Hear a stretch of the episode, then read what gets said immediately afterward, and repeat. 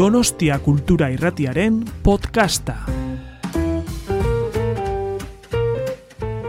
Arratsaldeon eta eskerrik asko berriz ere gurera etortzeagatik, eskerrak ere Ernest Jukeko talde osoari, literaturaren inguruan beste arratsalde goxo eta interesgarri bat antolatzeagatik. Muchas gracias por haberos acercado hoy al calor del Ernest Juk, pero también al calor de la literatura, que ya sabéis que aquí la cita suele ser en torno a, la literatura y es un gusto volver a reunir a, tantas amigas y amigos, la gran familia de, la literatura que, decimos.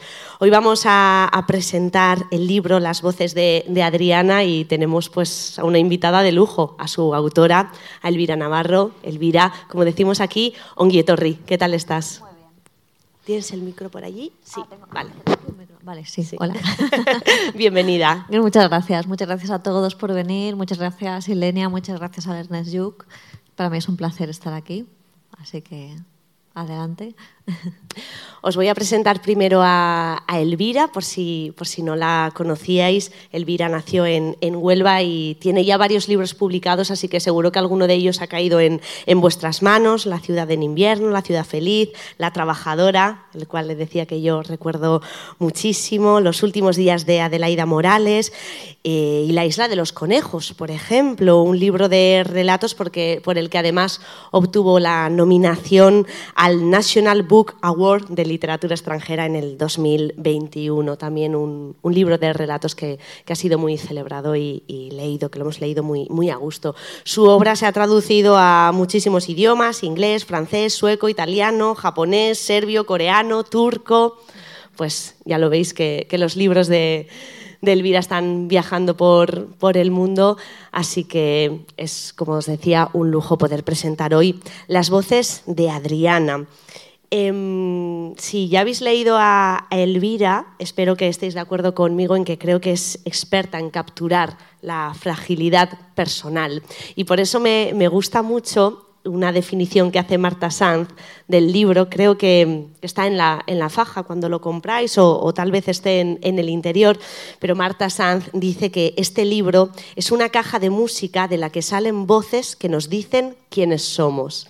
Y me encanta porque, mm, porque aunque la protagonista, como habréis intuido, es, es Adriana, sí que creo que eh, acaba siendo una historia colectiva, no solo por el resto de personajes que aparecen en, en el libro, sino que también creo que vais a acabar sintiendo que es una historia muy vuestra y que es de todas o de, o de todos. Em, no sé si os habrá pasado alguna vez que, os ha faltado alguien y entonces, ¿no? para suplir esa, falta, ese vacío, empezáis ¿no? en la memoria a, buscar esa pieza del puzzle que falta, ¿no? a, rememorar, a recordar. Y bueno, qué son los recuerdos o qué es la memoria, sino la ficción. De eso hay y mucho en, este, en este libro, ¿no? porque al final lo que recordamos, aunque creamos que, es muy real y que, que, tenemos la verdad, pues ya sabéis que los recuerdos a veces son, son traicioneros, o bueno, pues es, al menos nuestra, nuestra parte de, de la historia. Por eso aquí pues hay, hay diferentes pues, voces, de esas voces que, nos componen ¿no? de, de quiénes somos. ¿no? En esos recuerdos tenemos diferentes voces y así acabamos siendo y eso es lo que, lo que se ve aquí. Por eso creo que esa definición de, de Marta Sanz es tan, es tan acertada sin desvelaros tampoco muchísimo de lo que es el libro, porque lo que queremos es invitaros a, leerlo. Sí que vamos a hablar un poquito, Elvira, si te parece, pues de, los personajes. Vamos a empezar por, Adriana, pero también como el libro se, estructura en, tres partes. En la, primera empezamos conociendo a Adriana, mm, con Adriana, pero también por otra voz, que es la de su padre, ¿no? Qué interesante el, conocer también cómo, es Adriana a través de, sus familiares. No sé si creaste primero el personaje de, Adriana o fue algo que fue surgiendo en, general, Elvira. Bueno, pues el personaje de Adriana surge, en realidad surge después, o sea, lo primero que yo escribo, como bien ha dicho Ilenia, la novela tiene tres partes. Eh, la primera se llama El padre, la segunda se llama La casa y la tercera se llama Las voces. Y cada una de las partes se hace cargo eh, de una herencia familiar. ¿no? Está la herencia del padre, que el padre está vivo. Está la casa, que es una casa de una abuela que ya murió y que está en un pueblo, que es una casa que ya ha quedado vacía. Y están las voces, donde el personaje de Adriana invoca a la madre y a la abuela muertas que hablan por su propia voz. Es como una especie como de coro de mujeres, hija, abuela, madre, que están monologan, pero en esos monólogos hay como eh, ecos las unas de las otras. ¿no? Digamos que las historias, eh, la historia de la abuela no les ajena, la historia de la abuela condiciona la historia de la madre, la historia de la abuela y la madre condiciona la historia de la hija. ¿no? Está, digamos esto que pasa entre las generaciones. Entonces, eh, yo lo primero que escribí de todo fueron esas voces y la escribí. Eh, fue a raíz de, la muerte de mi madre cuando, cuando yo me puse a escribir un poco sobre el duelo de una manera muy tentativa, o sea, no sin, sin ninguna intención de hacer un libro en principio, o sea, como yo suelo escribir de lo que me ocurre, pues también cuando tuve esa muerte, pues, pues escribí sobre ello pero una, un poco tiempo después, quizá un año después de la muerte de mi madre o así, vi una película de Carlos Saura que se llama Cría Cuervos. No sé si la han visto ustedes o la, recuerdan, si la han visto. Eh, en la película de Carlos Saura tenemos eh, a, una niña que está interpretada por Ana Torrent, que ha perdido a su madre. Eh, sin embargo, la madre se le aparece. La niña a lo mejor es, por la noche va a la nevera a, coger algo de la nevera y de repente aparece la madre y tiene, tiene una conversación con ella y esto digamos que es una constante a lo largo de la película. Y hay un momento que aparece esta misma niña de mayor. Y esta misma niña de mayor es interpretada por la misma actriz que hacía de madre cuando ya era pequeña, que es Geraldine Chaplin.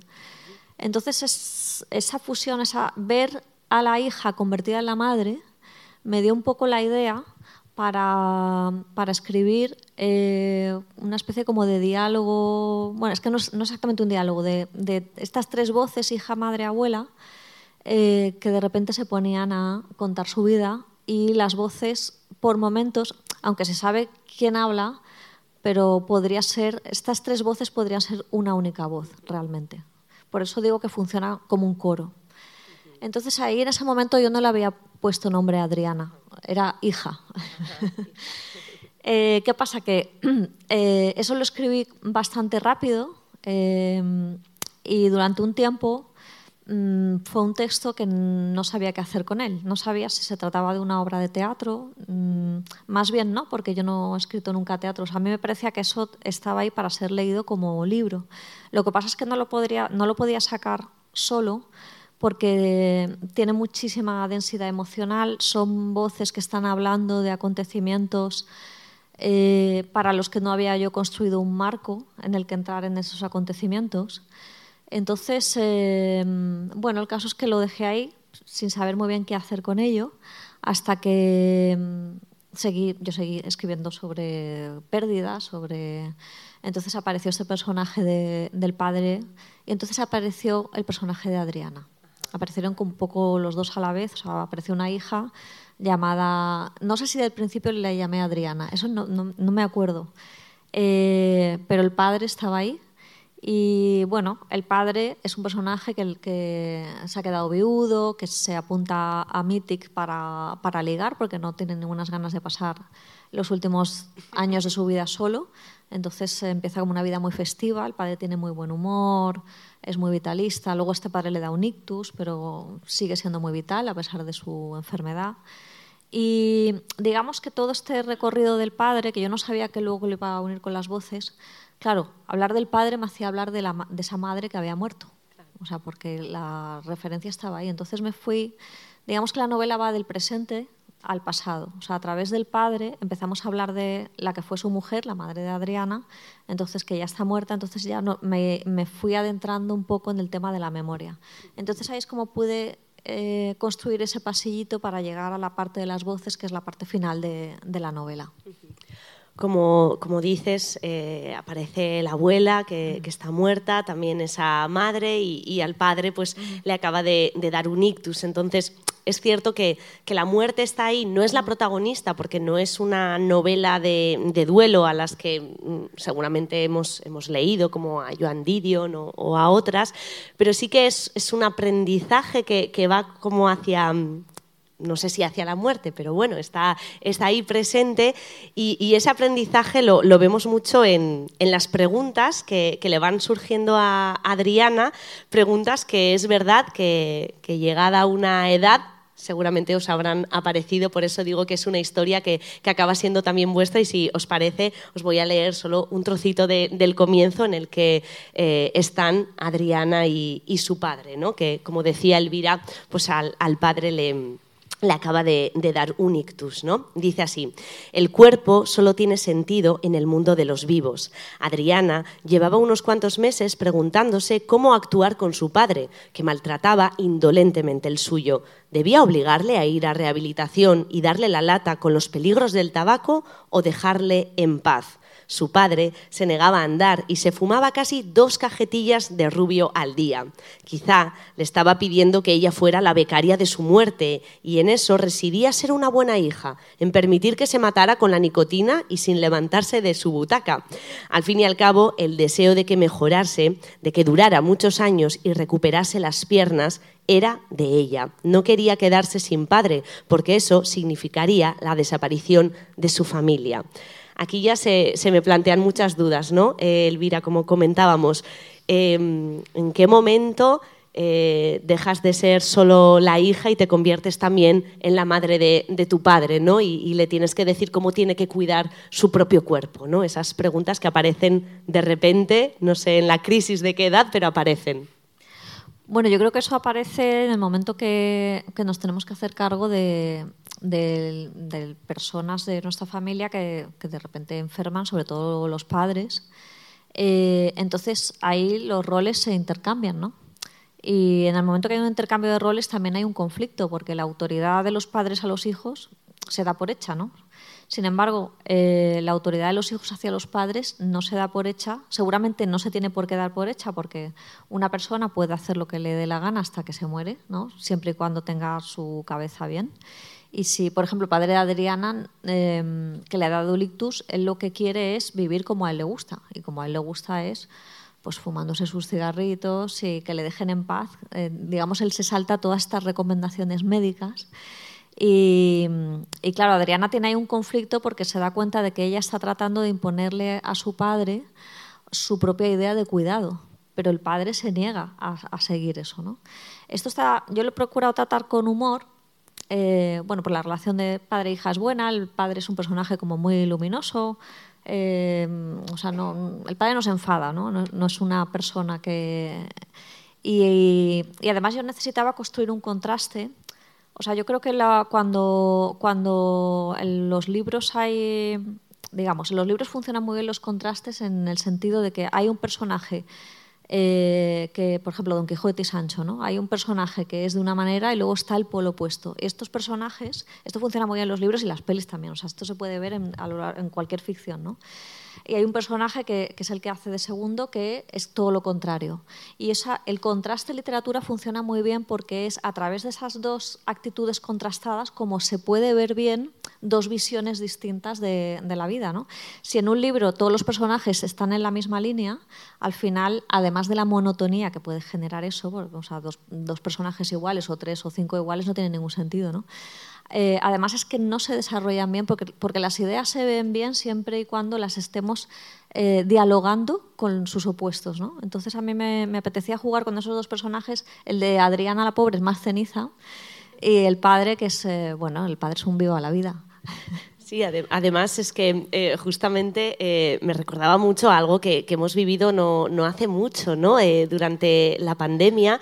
A mí hay además un momento en el libro en el que dice, te lo digo por tu bien, ¿no? Y enseguida recuerdo un artículo de, de Ana Freixas, que siempre es, es, una gran defensora de, de la vejez, que escribió un artículo que se titulaba No, por nuestro bien No, porque hubo un momento en el que mm, estábamos decidiendo por, por, las personas mayores, como dice él, los viejos, porque no hay que tener miedo a utilizar esa, esa palabra, y sí que aquí lo vi súper claro, ¿no? Porque verdaderamente, ¿no? Adriana casi se acaba preguntando si la vida está en esa cajetilla de, de tabaco que se está fumando su padre, porque su padre, ¿no? Ella está haciendo cosas por su bien, pero verdaderamente es que el padre está incluso más vivo que ella, ¿no? Porque está disfrutando a tope. ¿no? Sí, eso es cierto. O sea, quería que fuera paradójico, ¿no? Una persona enferma eh, que sin embargo no ha, perdido, no ha perdido la capacidad de disfrutar y de vivir como quiere frente a alguien que no le pasa realmente nada físico, que es la hija, eh, que sin embargo tiene de repente una especie como de peso vital encima y de miedos y de... Entonces también ahí mm, darle un poco la vuelta a, los roles, ¿no? Pues normalmente el miedo te entra cuando te pasa algo, ¿no? Pero ahí quería yo jugar con, con que no fuera así la vuelta también a los roles con Adriana, ¿no? siendo más joven, que pensamos enseguida, una persona joven pues va a dominar las redes sociales y le van a encantar y sin embargo es el padre el que está encantado en Mythic, conociendo a una mujer cada dos meses y, y sin embargo Adriana está ¿no? con esa pesadez de las redes sociales de, de perder el tiempo porque está escribiendo una tesis, no termina tampoco de encontrarse en el amor, todo, todo le le, sale mal. Entonces sí que hay ¿no? como ese juego de que al final quien de verdad está sola es, es Adriana, que creo que igual sí es algo que se ve en otros personajes tuyos, ¿no? Elvira, esa, esa soledad, porque Adriana verdaderamente, si fallece su padre, se va a quedar sola por completo. Sí, Adriana es un personaje muy solitario. Es verdad que yo en mis libros, eh, en, muchos de ellos, si no en todos, eh, los personajes son tremendamente solitarios. Em, la verdad es que no lo he reflexionado mucho, pero pienso que es así, primero porque mis libros son más bien cortos, eh, entonces eso requiere que no haya demasiados coprotagonistas. ¿no? si Adriana estuviera muy acompañada, a lo mejor también tendría que haber escrito sobre cómo actúan los acompañantes de Adriana con respecto a las situaciones. Eh, y luego también es porque, en, este caso en concreto, es porque es una novela que va sobre el aprendizaje de la muerte, eh, la medida en que lo podemos hacer en vida, que es cuando nuestros seres queridos empiezan a desaparecer. Sobre nuestra, nuestra propia muerte no lo vamos a poder aprender porque vamos a estar muertos. Yo, a mí no se me ha parecido ningún fantasma para contarme en qué consiste esto de morir, pero sí que tenemos como una aproximación ¿no? Eh, a, esa, a esa cosa que llamamos muerte que, bueno, desde luego lo que podemos ver es que consiste en que ya dejamos de estar en este mundo y el cuerpo se va, en fin. Eh, entonces, eh, para sumergirla en, ese momento que es un momento para ella de crisis, o sea, es como una novela de iniciación. Lo que pasa es que es una novela de iniciación a una etapa de la vida que es la muerte. Normalmente las novelas de iniciación son de iniciación a la vida. Necesitaba que el personaje también estuviera solo. Eh, porque también creo que es en soledad cuando las personas experimentamos con más intensidad lo que nos está ocurriendo. O sea, cuando no tenemos distracción y, también muchas veces cuando no tenemos apoyo. Cuando tenemos apoyo es cuando estamos totalmente sumergidos en, algo que, sucede. ¿no?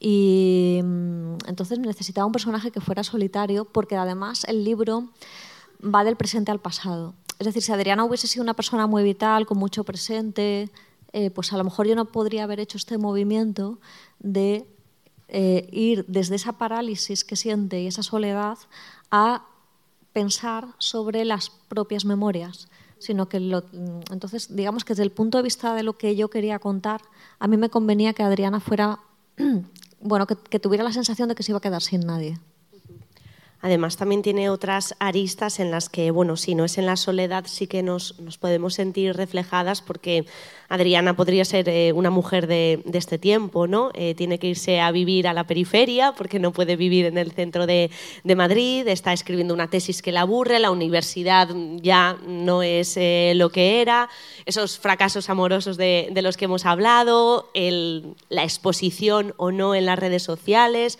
lo que es, es, la realidad o no, ¿no? Porque también también, bueno, aunque como decíamos, ya hablaremos también de lo que es ficción y, no, ¿no? Cómo entra a jugar en, nuestra vida, bueno, en este caso las redes sociales como, como realidad o no, también, también es muy interesante y al final es que Adriana, ¿no? Eh, tiene esas aristas de, ser una mujer de, bueno, del 2023. Sí. sí, es una mujer de... Bueno, yo no pongo, no pongo ninguna fecha, pero bueno, se puede situar más o menos en el presente. Eh, o sea, Adriana es una chica joven, ya no tan joven, o sea, está entrando como en la treintena. Y es verdad que están laboralmente, bueno, no, no, no tiene la mejor de las situaciones, es verdad que se tiene que ir a la periferia a vivir, eh, y ella, en su parálisis, una de las cosas que hace es asomarse a la vida de los demás a través de las redes, que yo era un tema que quería tratar porque, mm, bueno, primero porque yo creo que cualquiera que tenga una red social eh, se da cuenta hasta qué punto eh, las voces de la gente de las redes las tenemos incorporadas a, nuestros espacios más íntimos. Nos, nos, vamos con el móvil incluso al váter, ¿no? O sea, eh, entonces, eh, hay un diálogo extraño porque, o sea, ¿qué son los demás en una red social? En realidad, si a las personas que conocemos únicamente en Facebook o, únicamente en Instagram, por ejemplo, que solo vemos bueno, pues aquello que comparten, algunas fotos, algunas opiniones, son ideas tremendamente sesgadas eh, las que nos podemos hacer de esas personas.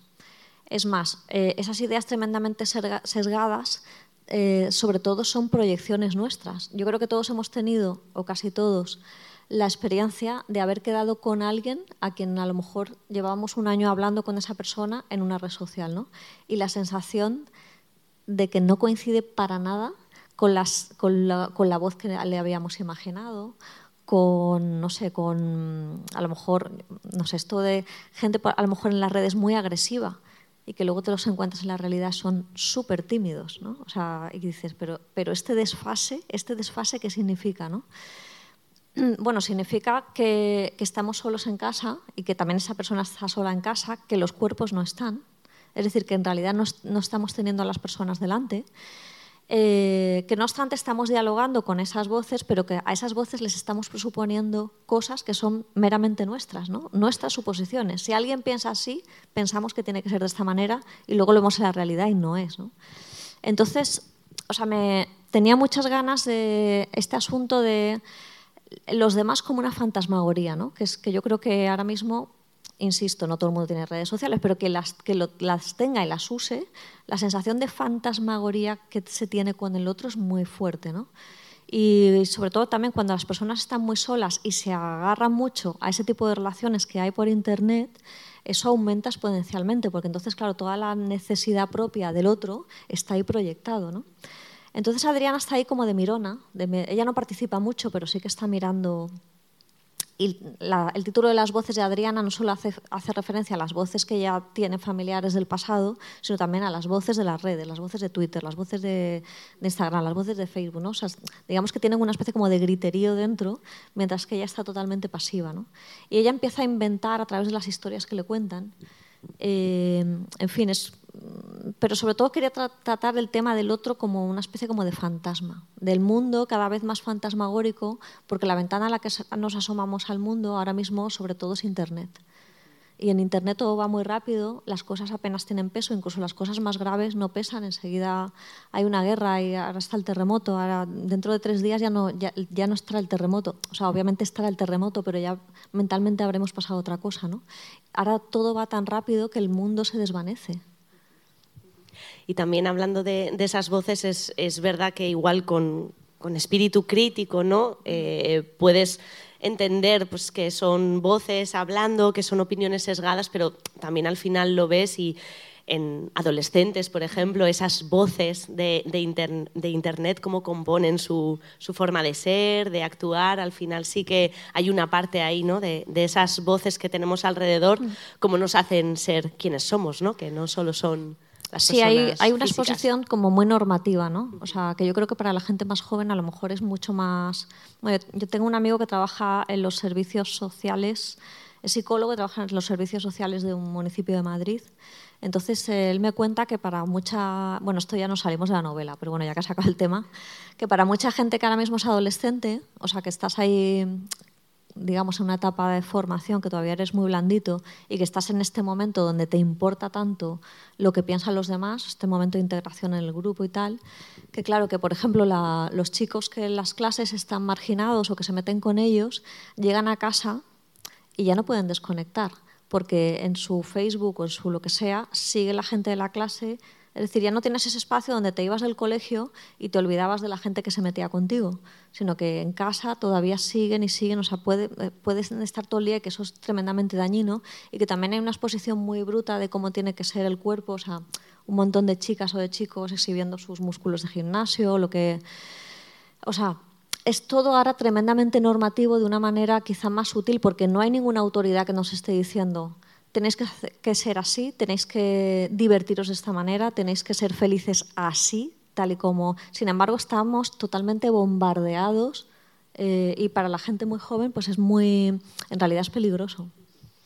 Volvemos a, a la novela y volvemos además a casa, ¿no? A esa segunda parte que, como decía Elvira, es, es la casa em, y donde yo creo que aquí ya sí que se empiezan a destapar los recuerdos a lo grande, ¿no? Porque en esa primera parte, como decías, con el padre y con Adriana empezamos ya a conocer también a la madre a través de, de los recuerdos que tienen, pero aquí en la casa ya sí que los recuerdos, como digo, pues se, se abre un poco más la, la caja de, de, Pandora, ¿no? Y esas estancias que ahora están vacías, ¿no? Ahí mismo está escrita esa memoria familiar, ¿no? que a lo mejor os ha pasado ¿no? con, con esa casa de, de vuestros padres o de la abuela que está cerrada, pero entras y de repente los olores, las paredes hablan, ¿no?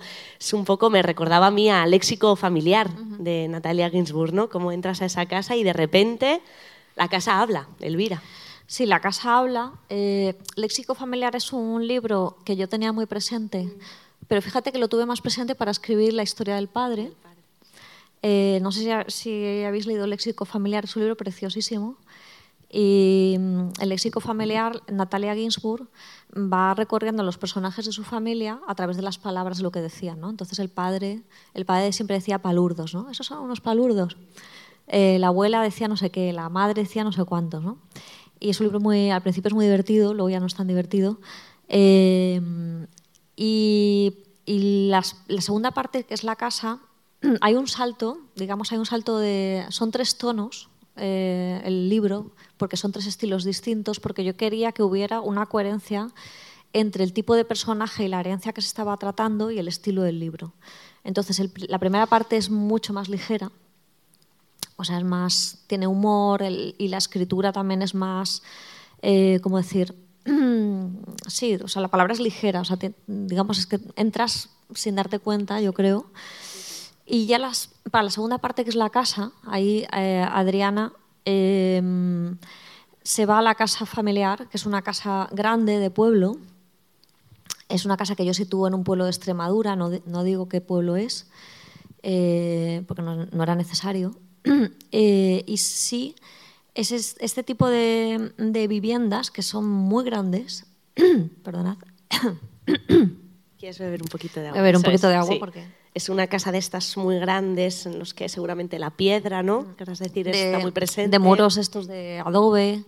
Eh, con, hay, es una tipología de casa donde muchas habitaciones ni siquiera tienen ventana. Después de una habitación hay otra habitación. Eh, hay alacenas, hay una cámara, la cámara está dividida en varias estancias, está el patio, está la bodega, está el corral, o sea, estas casas donde te podías perder, ¿no? Estas casas donde además han vivido varias generaciones.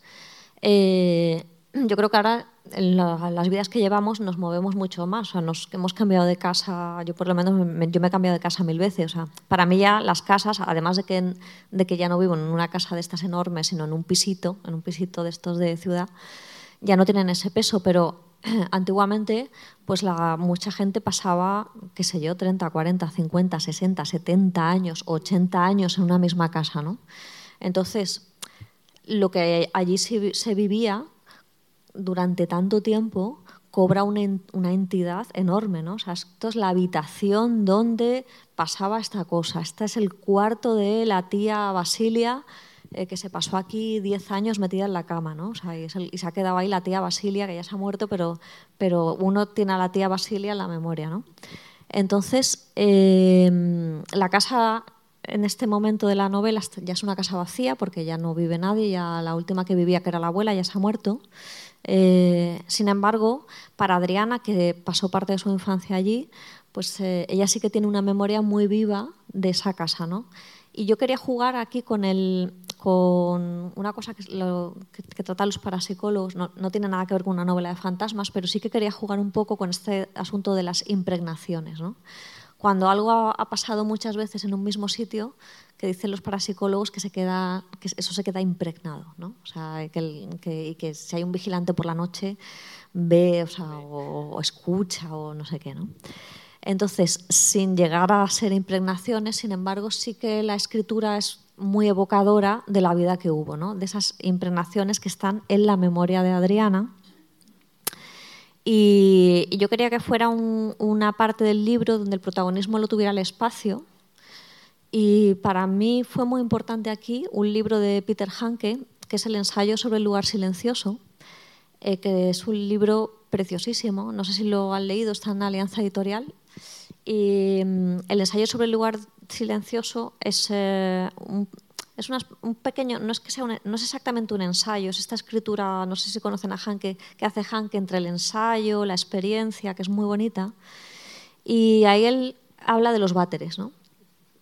que dicho así es un poco cómico, pero él hace una cosa preciosa con todos los váteres en los que él tiene memoria de haber pasado mucho tiempo.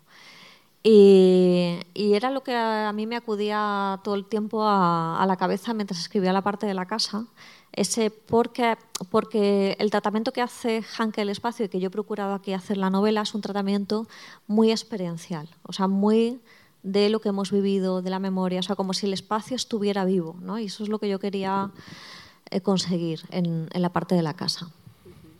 También aquí em, pienso que es cuando igual Adriana o, quienes estamos leyendo el libro nos vamos dando cuenta ¿no? de, esas herencias que, que recibimos y también a veces esas herencias son silencios ¿no? en, en la familia, porque os, os, contaba antes ¿no? de cómo recordamos las cosas que nos contó nuestra abuela, ¿no? pues cómo las recordamos, claro, el teléfono estropeado, pero a veces heredamos silencios ¿no? o, tabús o historias que, que, no te han contado y aún así está, estamos ahí como intentando, eh, no sé si a veces mantener ese silencio y otras querer romperlo también, ¿no? Pero también lo recibimos. Sí, hay una parte, bueno, hay, digamos que ahí en la casa, cuando yo estoy hablando de la casa, hablo de cosas que pasaron, eh, sin llegar a desvelarlas, luego la parte de las voces ya directamente empiezan a contar lo que ellas creen que pasaron. Pero sí que es verdad que, que en una memoria eh, nos han contado muchas cosas, obviamente, pero hay otras que las hemos recibido como a medias, ¿no? o sea, contadas como en voz baja o que hemos escuchado a la abuela o a nuestra madre o a la tía y nos hemos enterado un poco de aquella manera, ¿no? y nos hemos hecho una composición del lugar que a lo mejor no coincide. O también están estas historias que cada familiar tiene una versión, ¿no? Pasó algo, los testigos de eso que pasó ya están todos muertos, o sea, no hubo nadie que pudiera no hay nadie ya que pueda decirte, oye, no, lo que pasó fue esto, ¿no? Y cada miembro, una, o sea, a lo mejor tienes tres personas que te han contado tres versiones distintas de eso, ¿no? Y tú, y tú además luego te quedas con una porque, pues quizá porque es la que más te gusta o porque es la primera que te contaron, entonces ya tu memoria ya, lo primero que te cuentan casi siempre suele ser con lo primero que te quedas. Eh, o ya estas historias del tío, el tío, yo qué sé, el tío Francisco que se se, cayó del caballo y se abrió la cabeza, ¿no? Tú al tío Francisco no lo conoces, pero simplemente es un personaje familiar que se cayó del caballo y se abrió la cabeza, o que le cayó un rayo, o que le cayó un rayo a, alguien que estaba con él al lado y murió ese alguien y él no murió, ¿no? Estas historias como de antaño, que son tremendamente novelescas, porque no sabemos realmente si son ciertas y porque algunos personajes familiares se asocian simplemente a esas historias, ¿no? Son ya como personajes, ¿no? Como personajes que es el tío no sé qué al que le pasó esto. Entonces a, mí eso me divierte muchísimo, que me cuenten esas, tanto que me las cuenten de mi familia como me las cuenten de otras familias, me encanta, porque, porque, porque ahí hay mucha literatura, porque la literatura está hecha de lo vivido rehecho. Es decir, aquello que hemos experimentado o aquello que nos han contado, lo rehacemos, le damos un sentido, le damos a lo mejor más gracia, si tenemos gracia para contar. No sé si me explico, ¿no? O sea, finalmente las vidas de las personas son relatos, ¿no? La vida, de una, la vida nuestra, si nos podemos a contar, ¿qué hacemos? Pues yo soy fulanita de tal, ta, ta, ta, ta, ta, estudié esto, ¿no? Es decir, somos relatos, ¿no? y, y digamos que la literatura yo creo que viene de ahí, ¿no? del, propio relato, pero también del relato de los demás, que es muy... Y es así como nosotros conocemos el mundo a través de la palabra y como, y como nos llegan las experiencias de los otros, que muchas veces ya nos llegan de una manera que está totalmente tergiversada, pero no por eso es mentira sino que, bueno, es que digamos que el mecanismo de la comunicación va haciendo que las historias se vayan tergiversando un poco. Y también yo creo que porque aquello que recordamos se ordena una verdad emocional, ¿no? Entonces, a lo, mejor, a lo mejor nos pasó algo que no es tan grave, pero cuando lo contamos le ponemos un poco más de gravedad, por ejemplo, porque nuestro sentimiento es que sí que fue grave. Entonces, para poder contarlo y transmitirte a ti la gravedad que, que yo he sufrido, a lo mejor lo exagero un poco. No te estoy queriendo mentir, o sea, esto yo creo que lo hacemos todos, ¿no? Pero claro, es que si, no, si te cuento las cosas tal cual, pues no te estoy transmitiendo lo que... Entonces esto yo creo que las memorias familiares de ancestros y tal se dispara absolutamente, ¿no? Y es muy divertido. Desde luego, yo leyéndolo me acordaba mucho de, mi abuela, de, mi amona, y la, echaba terriblemente de, de menos porque me encantaba que me contara además ciertas historias familiares porque cada vez me la contaba de una manera distinta. Y yo lo sabía, pero siempre me, parecía muy divertido por eso, por indagar de por qué cada vez lo recordaba de, una manera muy, muy distinta. Y, y en estas me preguntaba Elvira si es que la memoria es curativa. Yo pienso que sí, pero es cierto que hablando ¿no? de esos silencios que heredamos y, y de esas cosas, ¿no? Siempre hay como esos dolores que, que también heredamos, porque al final también heredamos miedos, heredamos traumas y todo eso está, está en la memoria. ¿Hasta qué punto es, es sanador, en este caso, para Adriana, por ejemplo? Pues yo creo que la, yo creo que la memoria en sí misma no es exactamente curativa, pero sí comunicar sí es curativo. O sea, una memoria que no se comunica, algo que tú guardas y que no se lo cuentas a nadie, eso se te puede pudrir ahí, ¿no? O sea, además, sin embargo, en el momento que lo cuentas ya estás poniendo distancia sobre, lo, sobre el hecho, ¿no? O sea, contar es poner distancia. En el momento que pones distancia ya relativizas un poquito, ¿no? O sea, como, bueno, vale. Eh, o sea, te puedes como alejar, ¿no? Lo puedes objetivar, lo puedes, te ayuda a verlo de otra manera, te ayuda a analizarlo.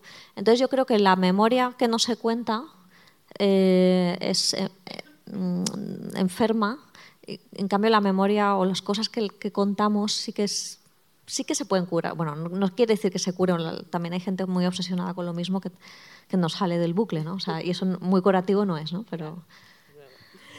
Llegamos así a la tercera parte del libro, las voces, la tercera parte, pero la primera que, escribiste en este caso, como nos contabas, eh, Elvira, y un tercer estilo, ¿no? Acaba siendo distinto, ¿no? Empezábamos con, el padre y esa parte además que, que tenía de humor, el presente, eh, la casa y ahora entramos en, en, ese coro, ¿no? De hija, madre, abuela, pero también en, creo que en una reflexión sobre el legado, pero también sobre la escritura, porque realmente aquí también es donde Adriana reflexiona más sobre la ficción o sobre su forma de, escribir, de recoger esa, esa, memoria. Ahí ya estamos en, en, otro estilo, no solo por cómo está escrito, que como decías es, ese coro, ¿no? que vemos eh, eh, hija, dos puntos y, y, esto es lo que, lo que escribe. ¿no?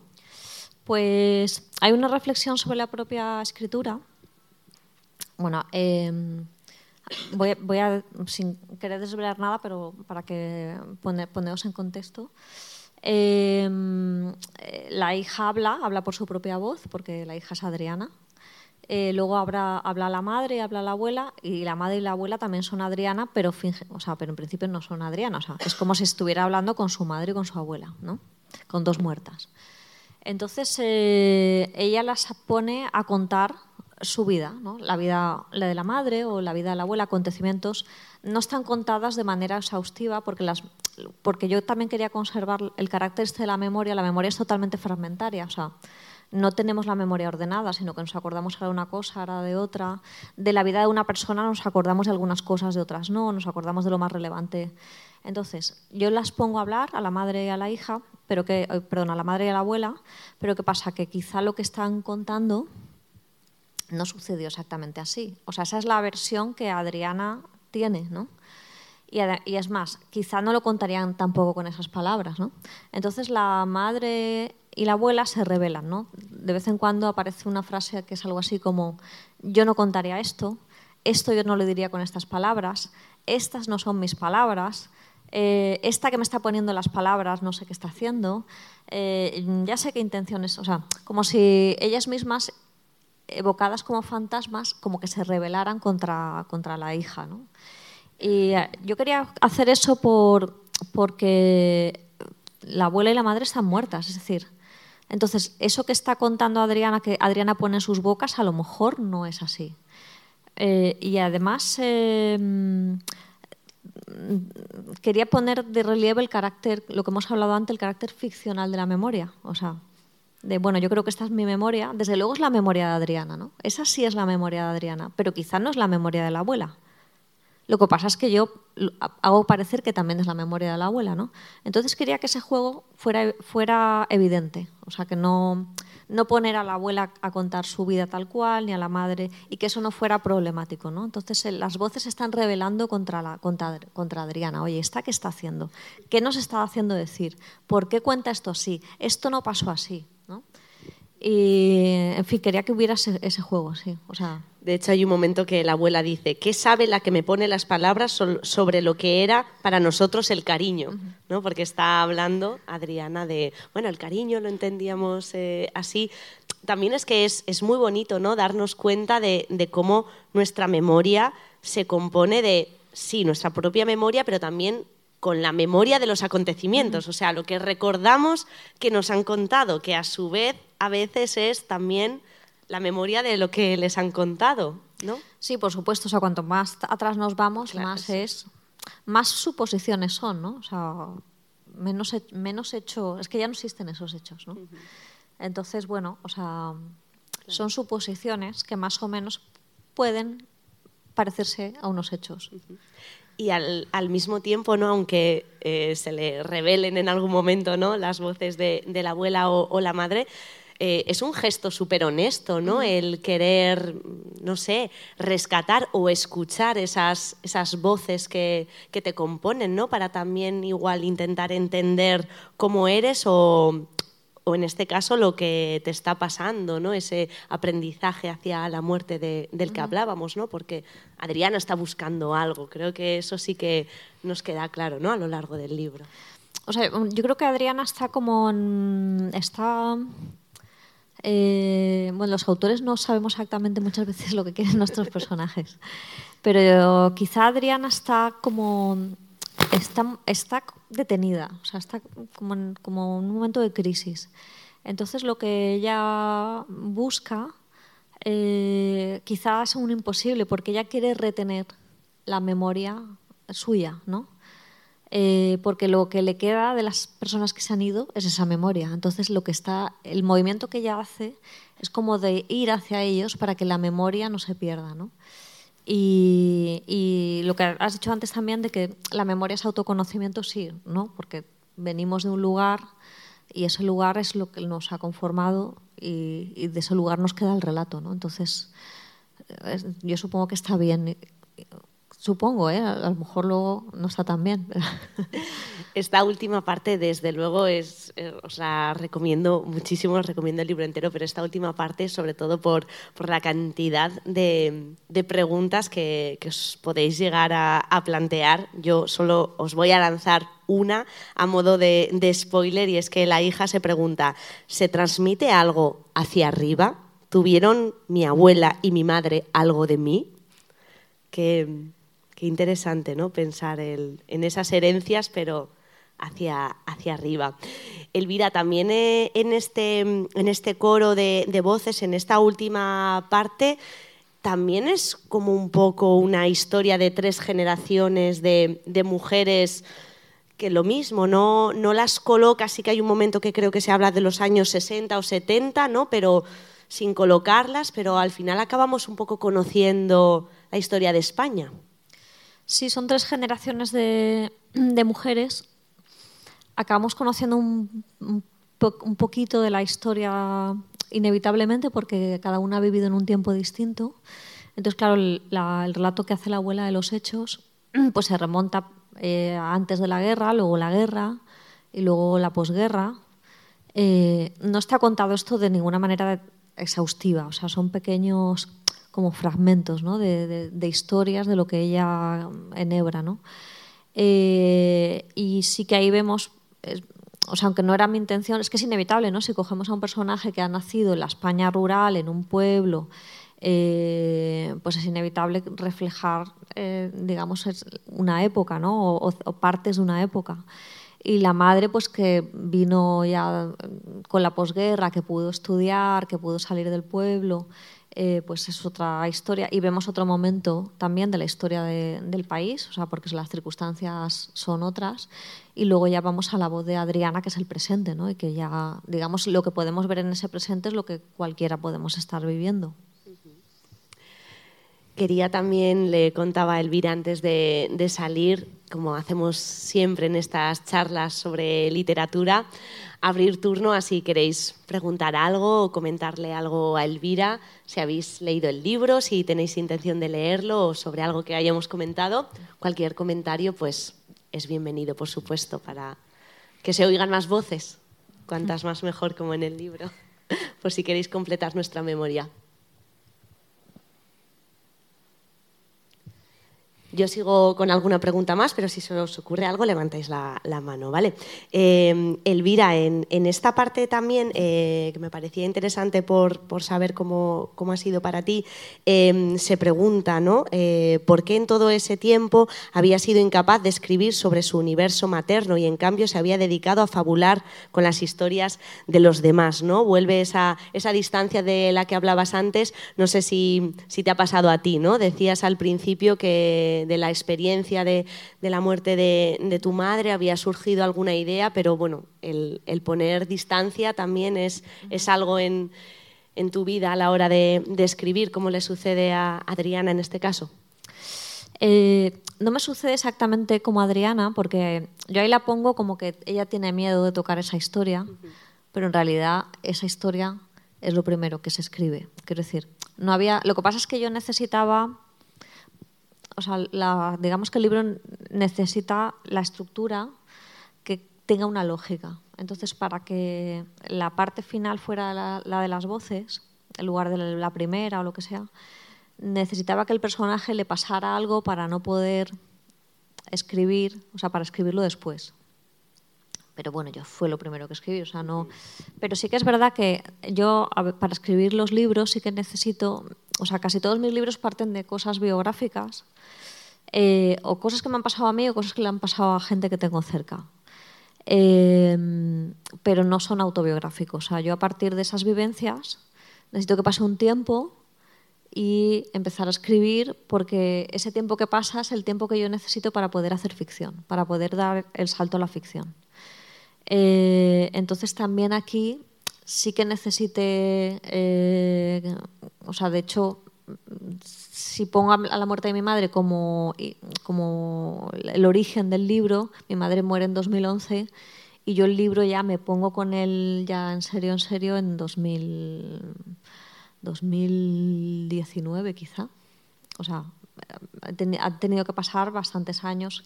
Yo siempre digo que pasan casi como 10 años desde que yo vivo algo hasta que luego escribo sobre ello. Entonces, lo que necesito es la distancia temporal porque, porque para hacer ficción te tienes que separar. O sea, si no, si no te separas, yo no puedo hacer ficción de algo, de algo inmediato. Entonces, simplemente para mí es separarme temporalmente. Pero no es que me dé miedo ir a un tema, sino que no me gusta ir a un tema de manera eh, solamente autobiográfica, porque no siento que la autobiografía pura y dura no es mi registro. O sea, yo, yo tengo que sentirme con libertad de inventar. Entonces, eh, en fin, aquí también me ha pasado. ¿Tenéis alguna pregunta, comentario? Adelante. Ay, espera, que te van a pasar un micrófono por si acaso para que todo el mundo escuche tu pregunta. Gracias. Bueno, por participar. ¿Qué tal, Nerea? He leído, he leído el libro y realmente me ha gustado muchísimo, muchísimo. Eh, lo he leído muy rápido porque quería leerlo para hoy y lo, tuve el viernes, o sea que... Eh. Y bueno, me han gustado varias cosas. ¿eh? Y una de las cosas que me ha gustado mucho es el cambio, primer capítulo con un narrador, una narradora, segundo capítulo, otro narrador. Y vamos al tercer capítulo y ya es el yo, ¿verdad? El yo, que claro, que no sabes si es Adriana, el yo de Adriana o el yo de la madre o de la abuela, ¿no? O sea, eso me, ha encantado porque me ha gustado muchísimo. sí. Em, el segundo capítulo también me ha gustado mucho porque he entrado en la casa esa. O sea, he entrado en la casa esa, pero ¿con qué misterio? Porque yo digo, ¿qué misterio? Porque de una puerta, detrás de la puerta, de... y después los pequeños detalles. Las flores de la abuela. Y vas dando los nombres de las flores, que algunas yo ni, no conocía. o sea, mm, las reflexiones pequeñas también, ¿no? Las reflexiones sobre la muerte, sobre la soledad, sobre las relaciones, sobre en algún momento, ¿no? En el primer capítulo, o sea, Adriana dice que ella es una mandona, no, no sé cómo dices, una autoridad, o sea, que manipuladora. Manipuladora, la manipuladora, ¿no? Y luego las cosas pequeñas, ¿no? Me salí al pueblo libre y tal, y ahí es donde aprendí a pasear detalles de estos también me ha gustado muchísimo. qué bien, qué bien. Muchísimas gracias. Sorionac, de verdad. Sorionac y ya, ya lo estoy recomendando por aquí y por allá. Qué bien, muchísimas gracias. Muchísimas gracias. Pues sí, tiene varios narradores. Hay un narrador en tercera, luego ya pasamos a la primera. Con las voces, inevitablemente teníamos que pasar a la primera. Y, y la, primera, la primera parte, que es el padre, yo ahí lo había escrito tanto en primera como en tercera. Algunos textos estaban escritos en primera, otros porque no sabía qué narrador poner. Entonces iba yo de la primera a tercera, la primera a tercera. al final lo pasé a tercera porque, eh, mm, porque necesitaba que hubiese esa esa gradación quizá hacia esa primera necesitaba que la primera persona solo estuviera las voces para entrar porque si pongo primera en todo el libro entonces ya entramos la primera siempre es más cercana es más emocional o sea una primera persona parece que nos está hablando aquí en el oído. Pero yo no quería que nos hablara aquí en el oído desde el principio quería que nos fuéramos que fuera una voz como que se fuera acercando acercando acercando acercando hasta que al final te está hablando aquí no o sea entonces, por eso finalmente opté por la tercera al principio. Y, la parte de la casa es verdad que es muy sensorial. O sea, esto que dices que hay muchos pequeños detalles y es que si no, si no, no hay manera de describir un espacio, ¿no? O sea, porque el espacio necesita de muchos detalles, porque si no, simplemente hablamos de, de, abstracciones, ¿no? Entonces necesitaba poner a qué olía el suelo, cómo era el tacto, eh, en fin, no sé, detalles concretos de, la casa, mm, porque solo así se puede, o sea, si tú describes un espacio tienes que ser muy sensorial, porque si no el espacio no lo experimentas, porque la experiencia del espacio se hace por los sentidos. Entonces necesitaba concentrarme mucho en las pequeñas cositas. Sí, sí. Muchas gracias. Es que ricasco. ¿Alguna pregunta más? te hago yo la última entonces, eh, Elvira. Em, cuando terminaba de leer el libro, y bueno, y ahora que además hemos hablado tanto sobre la, memoria, no quiero hacer una afirmación como si yo fuera bilbaína, porque no lo soy, pero me da la sensación que la base de la literatura y tal vez incluso de la vida es la memoria. Eh, sin duda, ¿no? Eh, o sea, es la base del, primero de la identidad, ¿no? Cuando alguien pierde la memoria, que, ¿no? Estas personas que tienen un accidente y de repente no se acuerdan de nada, son como otras personas, ¿no? Eh, o cuando alguien se hace muy mayor y tiene un proceso de demencia o de Alzheimer, que de repente empezamos a no reconocer, bueno, ellos empiezan a no reconocernos y empezamos nosotros a no reconocerles, ¿no? O sea, porque es que estamos hechos de memoria, o sea, somos, además de un cuerpo, que obviamente un cuerpo también es una identidad, pues somos rubios, morenos, altos, bajos, pero sobre todo es la identidad, es el propio relato, la, propia coherencia en la conducta, la propia memoria, o sea, somos estas personas que hemos vivido esto, que somos capaces de, volver a contarlo, de reconocernos, ¿no? Entonces, eh, la memoria es la base de la identidad y sin identidad no hay persona, ¿no? O por lo menos en momento no la hay. Eh, y la memoria es eh, la sin memoria no hay literatura porque la literatura es contar una experiencia. Esa experiencia puede, puede ser totalmente ficticia, o sea, no, es que tengamos que estar hablando de nuestras vidas, o podemos contar, pues, poner una novela que transcurra en Marte con marcianitos. Sin embargo, esos marcianitos eh, pues van a vivir cosas que vamos a tener que recurrir a nuestra memoria. Si un marcianito se enamora de una marcianita, tendremos que recurrir a nuestra experiencia del amor para poder contar bien cómo se enamora al marcianito, ¿no? O sea, entonces, sin experiencia es imposible escribir. No, y la experiencia está en la memoria. Pues espero que os queráis llevar estas voces a, vuestra casa sin miedo, que dejéis que se impregnen en, en vuestras paredes mentales, emocionales y también físicas, ¿por qué no? No vamos a tenerle miedo a la parapsicología ni, ni nada de, de, esto. Y a ti, Elvira, pues muchísimas gracias, Por, por, haber compartido con nosotras eh, estas voces de Adriana esta tarde y que te tengamos pronto por aquí por Donosti, sea con un nuevo libro o también de, de visita. Esta es tu casa. Es que muchísimas gracias, muchísimas gracias a todos. Gracias.